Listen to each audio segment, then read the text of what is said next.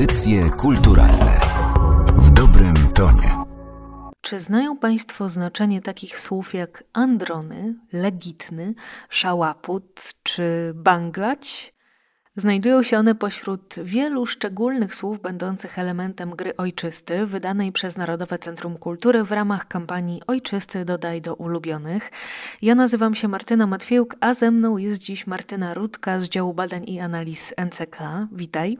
Dzień dobry. W tym odcinku audycji kulturalnych porozmawiamy o grach planszowych i o tym, jak mogą być wykorzystane w edukacji.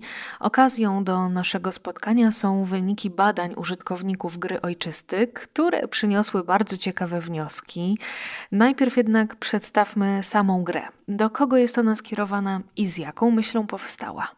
Gra planszowa Ojczysty autora Karola Madaja jest skierowana tak naprawdę do wszystkich osób. Użytkownicy w wieku od 12 lat, ale tak naprawdę autor tworząc grę miał zamysł, żeby była przeznaczona też dla osób młodszych od 8 roku życia. Granica 12 lat powstała jako pewny konsensus założeń początkowych. Głównym celem gry jest przede wszystkim zwiększanie zasobu słownictwa i zwiększanie też świadomości językowej osób młodszych, dorosłych czy nawet też starszych seniorów, ponieważ zaznajomiają się z językiem młodzieżowym i z mową biznesową, którą może gdzieś kojarzą, ale po wynikach badania widać jednak, że bardziej kojarzą słowa archaiczne, a młodzieżowe, właśnie moda biznesowa i te zwroty młodzieżowe są dla nich obce. Mówisz o rozwijaniu zdolności językowych. Ja pamiętam, że kiedy grałam w tę grę z przyjaciółmi, to łapałam się na tym, że moje odpowiedzi, moje typy znaczeniowe były często nie tylko podyktowane tym, jak rozumiem dane słowo, ale też jak w moim odczuciu dana osoba może je rozumieć. I to jest szalenie ciekawe, bo w tym momencie ta gra wychodzi poza poziom czysto edukacyjny. Tak, nasi badani zwracali uwagę na to, że podczas rozgrywki pojawiały się dyskusje, jak my rozumiemy dane słowo, a jak ta druga osoba to słowo pojmuje. I pojawiały się też różne rozmowy, właśnie dotyczące tego, że ja to zrozumiałem tak, e, co zrozumiałeś inaczej. I gdzieś tam też rozmawiali o tym, że możemy poznać dzięki grze sposób rozumowania innej osoby. Że to nie jest tylko gra, która faktycznie siedzimy i przy niej gramy i, i poznajemy po prostu słówka, konkretne definicje, tylko też jesteśmy w stanie poznać poniekąd sposób myślenia drugiej osoby. Tu od razu pojawia się pytanie, dlaczego w ogóle sięgamy po gry planszowe? W świecie, który ma bardzo wysoki poziom cyfryzacji, my dalej chcemy grać w planszówki. Jakie pobudki wskazywali w tej analizie badani gracze? Przede wszystkim na chęć spędzenia czasu wolnego z rodziną, znajomymi. Główną przyczyną też sięgnięcia po grę i rozgrywki była chęć rozwoju kompetencji językowych własnych dzieci. Ze względu na to, że prowadziliśmy badanie podczas trudnego czasu, czasu pandemii, rozgrywki z reguły odbywały się w gronie rodzinnym, z żoną, z mężem, z dziećmi. Pojawiały się też głosy, że rozgrywki były w gronie dziadków i dziadkowie bardzo doceniali fakt, że mogą spędzić czas z swoimi wnukami i jednocześnie wskazywali na aspekt międzypokoleniowy, na to, że mogą jednocześnie spędzać czas rozmawiając i poznając sposób myślenia młodych ludzi, swój, jakoś to ze sobą konfrontować. I też właśnie e, poznawać słownictwo młodych ludzi, tłumaczyć im słowa archaiczne, które już wypadły z obiegu, a, a gdzieś w świadomości osób e, starszych, seniorów są nadal popularne, a młodzież niestety o nich zapomina. Czyli gra łączy pokolenia. Tak sobie myślę, że wspaniałym jest, kiedy gra poza tym, jak e, opracowana została instrukcja, poza tym, jak zaprojektowana jest rozgrywka, kiedy ona zaczyna żyć własnym życiem. Czasem zdarza się, że wymyślamy sobie własne reguły gry albo korzystamy tylko z niektórych jej elementów. Czy i taki potencjał mamy w ojczystym? Jak najbardziej. Badani wskazywali na to, że grali zgodnie z regułami, ale w poradniku dla nauczycieli i dla edukatorów jasno widać, że można wykorzystywać tylko i wyłącznie poszczególne elementy gry. Że gra może być stosowana na zajęciach online, mimo że jest to planszówka, gdzie wydaje się, że powinniśmy usiąść przy stole, przy, przy planszy i spotkać się twarzą w twarz, to jednak można też ją rozegrać w świecie cyfrowym. I to wydaje mi się, że to też jest bardzo ciekawe, Z drugiej strony też mamy przykłady właśnie takich zajęć rozpisane w poradniku, pokazujące, że gra planszowa, która powinna zwiększać świadomość językową, jest na to nastawiona, może też być wykorzystywana podczas zajęć na godzinie wychowawczej albo na zajęciach z przedmiotów ścisłych, na matematyce, fizyce, chemii. Wystarczy tylko podmienić karty, stworzyć własną talię kart z własnym słownictwem i może być stosowana jako powtórzenie do sprawdzianu, jako powtórka z lektur szkolnych, ale należy też podkreślić, że gra ma zastosowanie nie tylko na zajęciach szkolnych, można ją wykorzystywać w instytucjach kultury, w centrach kultury, w domach kultury, na zajęciach dodatkowych, na obozach. Możliwości jest tyle, ile osób. No właśnie, wykorzystanie gier w edukacji, o tym też powiemy Państwu więcej w dalszej części odcinka. Ja zapytam jeszcze o najmocniejsze strony ojczystego. Najmocniejszą stroną na pewno był ten aspekt międzypokoleniowy, że łączy pokolenia, jesteśmy w stanie e, usiąść wspólnie i, i spędzić czas. A z drugiej strony nasi badani mocno podkreślali aspekt wizualny gry. To jak została wykonana, jaką ma szatę graficzną. Zwracali też uwagę na trwałość elementów, na to, że są wykonane bardzo solidnie. Też też ciekawostką było to, że nasi badani, a właściwie uczniowie i dzieci doceniały fakt, że plansza to nie był kwadrat, gdzie z reguły się gdzieś spotyka to na planszówkach, tylko to właśnie było koło. I to też zwracało uwagę. Mm, to jest istotne, aby te analogowe gry były po prostu pięknymi przedmiotami, które z chęcią weźmiemy do ręki. Dziś o wynikach raportów wokół gry językowej ojczysty opowiadała Państwu Martyna Rudka z działu badań i analiz Narodowego Centrum Kultury. Bardzo Ci dziękuję. Dziękuję. A my przejdźmy do zagadnienia wykorzystania gier w sektorze edukacji. Kolejnym gościem audycji kulturalnych jest pan Aleksander Pawlicki ze Szkoły Edukacji. Dzień dobry. Dzień dobry. Gry szkoleniowe, gry tematyczne, edukacyjne, edukacyjno-rozrywkowe, no całe mnóstwo tych pojęć w drzewie genealogicznym gier, można się w tym pogubić. Ja zapytam o sedno, o to, dlaczego są one istotne z perspektywy edukacji. Myślę, że dobrych powodów, żeby używać gier edukacyjnych nie brakuje.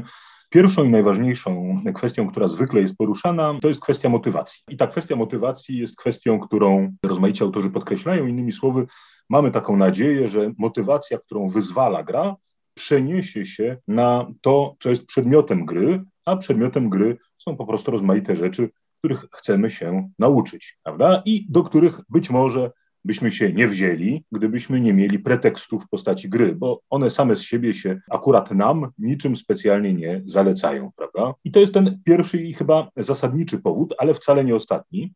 Od razu też pewnie należałoby powiedzieć, że w owym pomyśle na motywację przez gry kryje się szansa, ale kryją się też pewne ryzyka. Natomiast y, do tego zasadniczego powodu pewnie wypada dodać jeszcze jakieś inne. Bardzo e, ważnym elementem, często podkreślanym, jest na przykład to, że gry najczęściej są grami zespołowymi. To nie oznacza zawsze kooperacyjnymi, bo bywają też gry rywalizacyjne, ale jednak są to gry zawsze w zespole, a zatem prawie zawsze zawsze, kiedy gramy, mamy też szansę, oprócz zdobywania wiedzy w zakresie biologii, historii czy czegokolwiek jeszcze innego, mamy także okazję, szansę rozwijać rozmaite kompetencje społeczne. No i wreszcie trzecia rzecz, o której wypadałoby chyba powiedzieć, to to, że gry mają taką oto cechę, że wprowadzają element, bez którego trudno się w edukacji obyć, a przecież w klasach często go brakuje a mianowicie gry dostarczają szybkich informacji zwrotnych. W klasach potrzeba uczniom doświadczenia ciągłego postępu, i to doświadczenie ciągłego postępu otrzymują w grach, niestety, bardzo szkoda, rzadko otrzymują w klasie. Ja odwołam się do pierwszego pana argumentu. Otóż często posługujemy się takim sloganem jak nauka poprzez zabawę, ale ta zabawa, rozrywka pojawia się często w momencie rywalizacji. I niestety, zwłaszcza w przypadku młodszych dzieci, to może prowadzić do tego, że uczestnicy za wszelką cenę starają się zdobyć punkty, starają się wygrać rozgrywkę i łatwo zatraca się wtedy ten nadrzędny cel gry. Co zrobić, aby zabawa była rzeczywiście edukująca? Tu właśnie zaczynają się schody. Po pierwsze, oczywiście, dlatego, że bardzo wiele zależy od mechaniki gry, to znaczy od tego, na czym polegają owe nagrody, które otrzymują uczniowie. Te nagrody mogą być takimi nagrodami społecznymi, które wiążą się z samą przyjemnością bycia w grupie i także rywalizowania w grupie. Takie nagrody społeczne są cenne, ale oczywiście w grach bardzo często pojawiają się jakieś dodatkowe nagrody. No i powiedzmy sobie od razu, jeżeli gra zbudowana jest w taki sposób, że czymś innym jest e, jej treść, a czymś innym są nagrody, innymi słowy, to jest tak, że postęp w tej grze nie wiąże się bezpośrednio z tym, czego się nauczyliśmy. By tak powiedzieć, uczenie się jest tylko przeszkodą, którą mamy przebyć, a oprócz tego są jakieś zupełnie osobne punkty, no to prawdopodobnie walor edukacyjny tej gry nie będzie bardzo wysoki, a w każdym razie będziemy ryzykować bardzo poważnie, że nie będziemy budować motywacji wewnętrznej, ale właśnie motywację zewnętrzną. To znaczy będziemy mieli kolejny wariant tej wielkiej gry, w którą wciągamy, bardzo źle, że wciągamy nasze dzieci, wielkiej gry polegającej na tym, żeby dostawać dwójki, trójki, czwórki i piątki i ustawiać się w rankingach w szkole. To jest kolejny wariant. No to tego nie chcemy. Jeżeli w mechanikę gry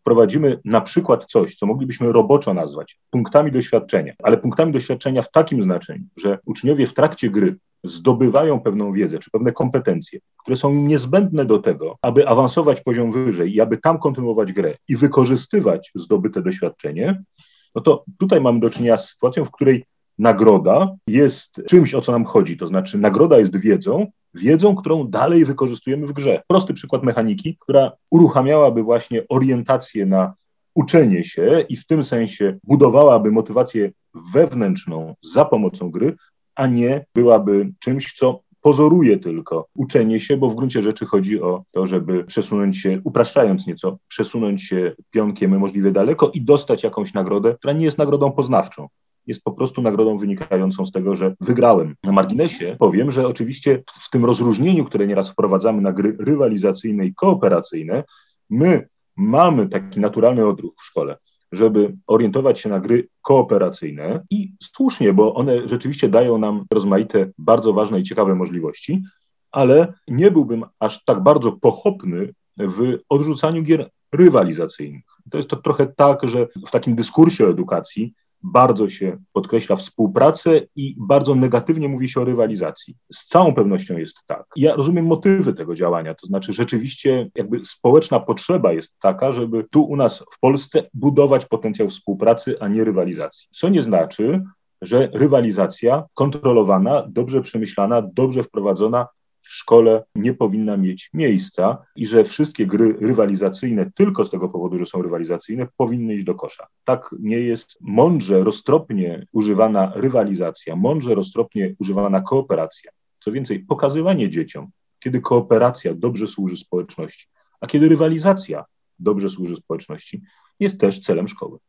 No właśnie, ma Pan duże doświadczenie jako nauczyciel, ale też jako twórca gier i zastanawiam się, jakie powinny być te materiały dydaktyczne, bo tutaj jest kwestia zarówno dobrego zaprojektowania gry, jak i odpowiedniego przeprowadzenia zajęć. To jest bardzo trudne pytanie, bo to jest pytanie, na które każdy nauczyciel, sięgając po jakąś grę albo dostosowując jakąś grę e, wziętą z rynku, albo tworząc swoją własną grę, powinien sobie odpowiedzieć. To znaczy, po co tu i teraz chcę włączyć grę w nauczanie. W związku z tym najchętniej bym na to odpowiadał raczej mówiąc o konkretnych klasach, natomiast gdybym miał ogólnie rzecz sformułować, to bym powiedział tak że ja na pewno szukałbym takich gier, gdzie dynamika gry pozwala możliwie szybko dostawać informacje zwrotne. To znaczy możliwie szybko dostrzegać, że ja dokonuję pewnego postępu w kierunku do mistrzostwa. I nie tylko widzę ten postęp, ale też dowiaduję się od współgraczy albo od gry, na czym ten postęp, którego dokonałem, polega.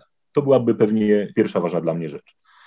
Po drugie, miałbym nadzieję, tu sprawy się oczywiście bardzo komplikują i to jest bardzo taki postulat, który bardzo trudno zrealizować, ale bardzo mnie on pociąga. Mianowicie preferowałbym gry z taką mechaniką, która pozwala na kilka alternatywnych dróg przejścia, to znaczy takich gier, bym powiedział, awatarowych, w którym uczniowie mogą wejść w kilka alternatywnych ról. Dlaczego to byłoby potencjalnie ważne? Dlatego, że uczniowie mają często indywidualne cele uczenia się prawda? I oczywiście, jeżeli jakaś gra uczy na przykład o tym, jak się kształtuje porządek międzynarodowy, z mojej działki wiedzy o społeczeństwie, albo jak mogą wyglądać negocjacje pomiędzy państwami.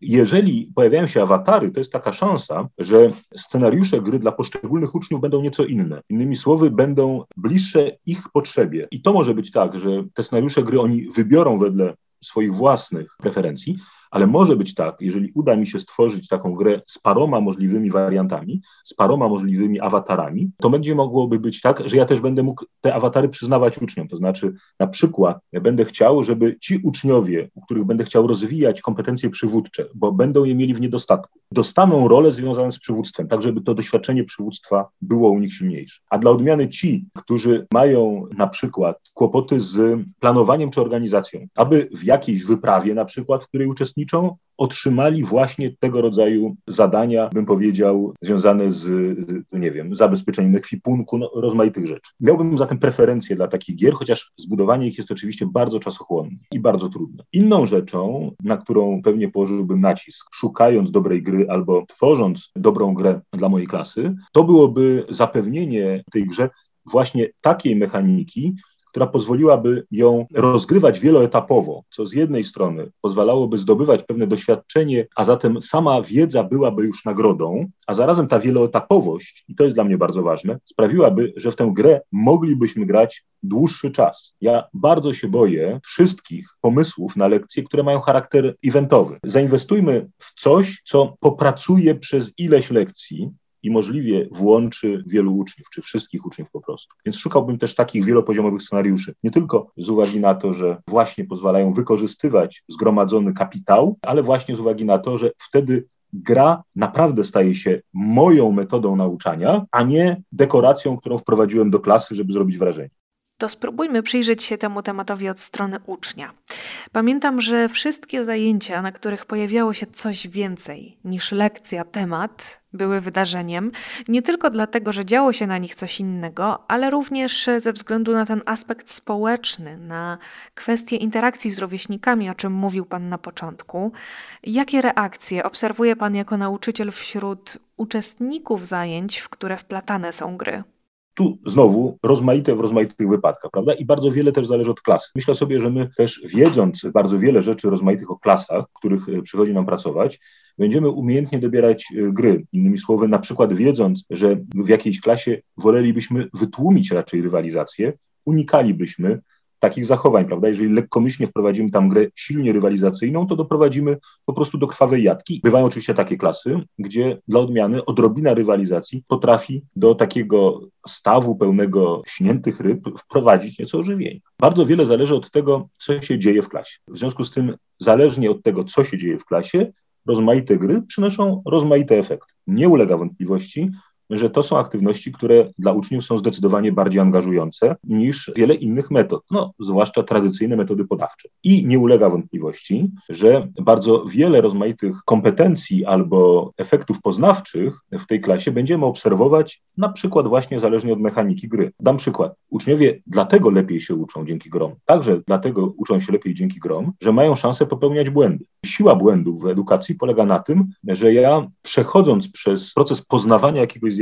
Nie w sposób bezbolesny, w takim sensie, że przechodzę, znajduję wynik i znikam. Jeżeli ja się zatrzymuję, bo napotykam na przeszkodę, popełniam błąd, wchodzę w uliczkę jakąś ślepą, to zmusza mnie to do głębokiej eksploracji tego, czyli do głębokiego uczenia się, do głębokiego rozumienia. Daje mi pewność, że to, czego się nauczyłem, naprawdę rozumiem, bo wielokrotnie zbłądziłem. Więc gry dają możliwość błądzenia, jeżeli dają, bo upraszczając bardzo, trochę zależy od tego, ile mamy żyć. To znaczy, możemy zbudować taką mechanikę gry, gdzie błąd można naprawiać. I to jest dobry materiał na grę dydaktyczną. No i oczywiście bywają takie, gdzie błąd jest nienaprawialny i na przykład ciągnie się za nami przez całą grę już do końca. To znaczy już nie jesteśmy w stanie nic zmienić. Nie jesteśmy w stanie żadnej nauki z tego wyciągnąć. Po prostu klamka zapadła. Wtedy jedyne, czego się uczymy, to uczymy się tego, jak los ludzki jest nieuchronny, prawda? I naznaczony niektórymi wyborami na wieki wieków. To nie jest błaha nauka, ale zapewniam, że nie trzeba chodzić do szkoły po to, żeby ją odebrać. Bardzo wiele z tego, co Pan powiedział, jest oparte na indywidualnym podejściu do klasy, na indywidualnym podejściu do ucznia. Trudno znaleźć tu jakieś uniwersalne rozwiązania. To prawda, ale to nie dotyczy wyłącznie gier. To w ogóle dotyczy nauczania. Wszyscy pamiętamy takie stare powiedzenie. O właśnie, powiedzenie jest stare, ale ja oczywiście jak teraz próbuję sobie je wypowiedzieć, to oczywiście nie mogę sobie w tej zgrabnej, idealnej formule go przypomnieć. Spróbuję zatem, prawdopodobnie nieco tracąc jego pierwotnej urody, powiedzieć to własnymi słowami. A sens tego powiedzenia jest taki, co trzeba wiedzieć, żeby nauczyć Tomka matematyki. Pierwsza odpowiedź, która się często narzuca, jest taka, że trzeba wiedzieć, czym jest matematyka, ale wbrew pozorom ta odpowiedź nie jest odpowiedzią satysfakcjonującą, bo oczywiście trzeba wiedzieć, czym jest matematyka, ale przede wszystkim trzeba wiedzieć, kim jest Tomek. Nie da się nauczyć Tomka matematyki w taki sam sposób, w jaki sposób uczy się Zosie. I myślę sobie, że to, to nie jest tylko prawda o grach, to jest po prostu prawda o lekcji. Niełatwe zadania stoją przed nauczycielami i edukatorami, a ponieważ ten odcinek zaczęliśmy od rozmowy o grze ojczysty, to zapytam, czy zdarza się panu grywać w planszówki jeśli tak, to co ceni w nich pan najbardziej? Zdarza mi się zagrać w planszówki. To jest skądinąd bardzo ciekawy wątek związany z tym, dlaczego gry są ciekawe. Dlatego, że to jest być może jedna z nielicznych sytuacji, kiedy aktywność ze szkoły moglibyśmy przenieść do domu. Innymi słowy, doprowadzić do sytuacji, w której najpierw uczniowie zagrają w coś z nami, czy między sobą w klasie, ucząc się, a potem w to samo zagrają z rodzicami czy dziadkami. Jeżeli ta gra ma taką cechę, że jest regrywalna, że warto ją przechodzić wielokrotnie, to to jest idealna praca domowa oczywiście. No i gdybym miał powiedzieć, dlaczego ja lubię gry planszowe, czy za co lubię gry planszowe, to po pierwsze za to, że można w nie grać w miłym towarzystwie. Jest jeszcze drugi powód, y, nie ukrywam, dosyć istotny. Ja lubię dosyć krótkie gry planszowe, to znaczy krótkie w etapach. One mogą się ciągnąć. Na przykład teraz w naszej rodzinie gramy w taką grę, która pewnie zajmie nam jeszcze z pół roku, ale szczęśliwie szczęśliwie pojedynczy etap trwa godzinkę. Ja po prostu dłużej grywam tylko w piłkę nożną. Akurat ojczysty jest skonstruowany w oparciu o dosyć krótkie rozgrywki. Ja polecam Państwu tę grę. Jest ona dostępna m.in. w sklepie internetowym Wydawnictwa Narodowego Centrum Kultury.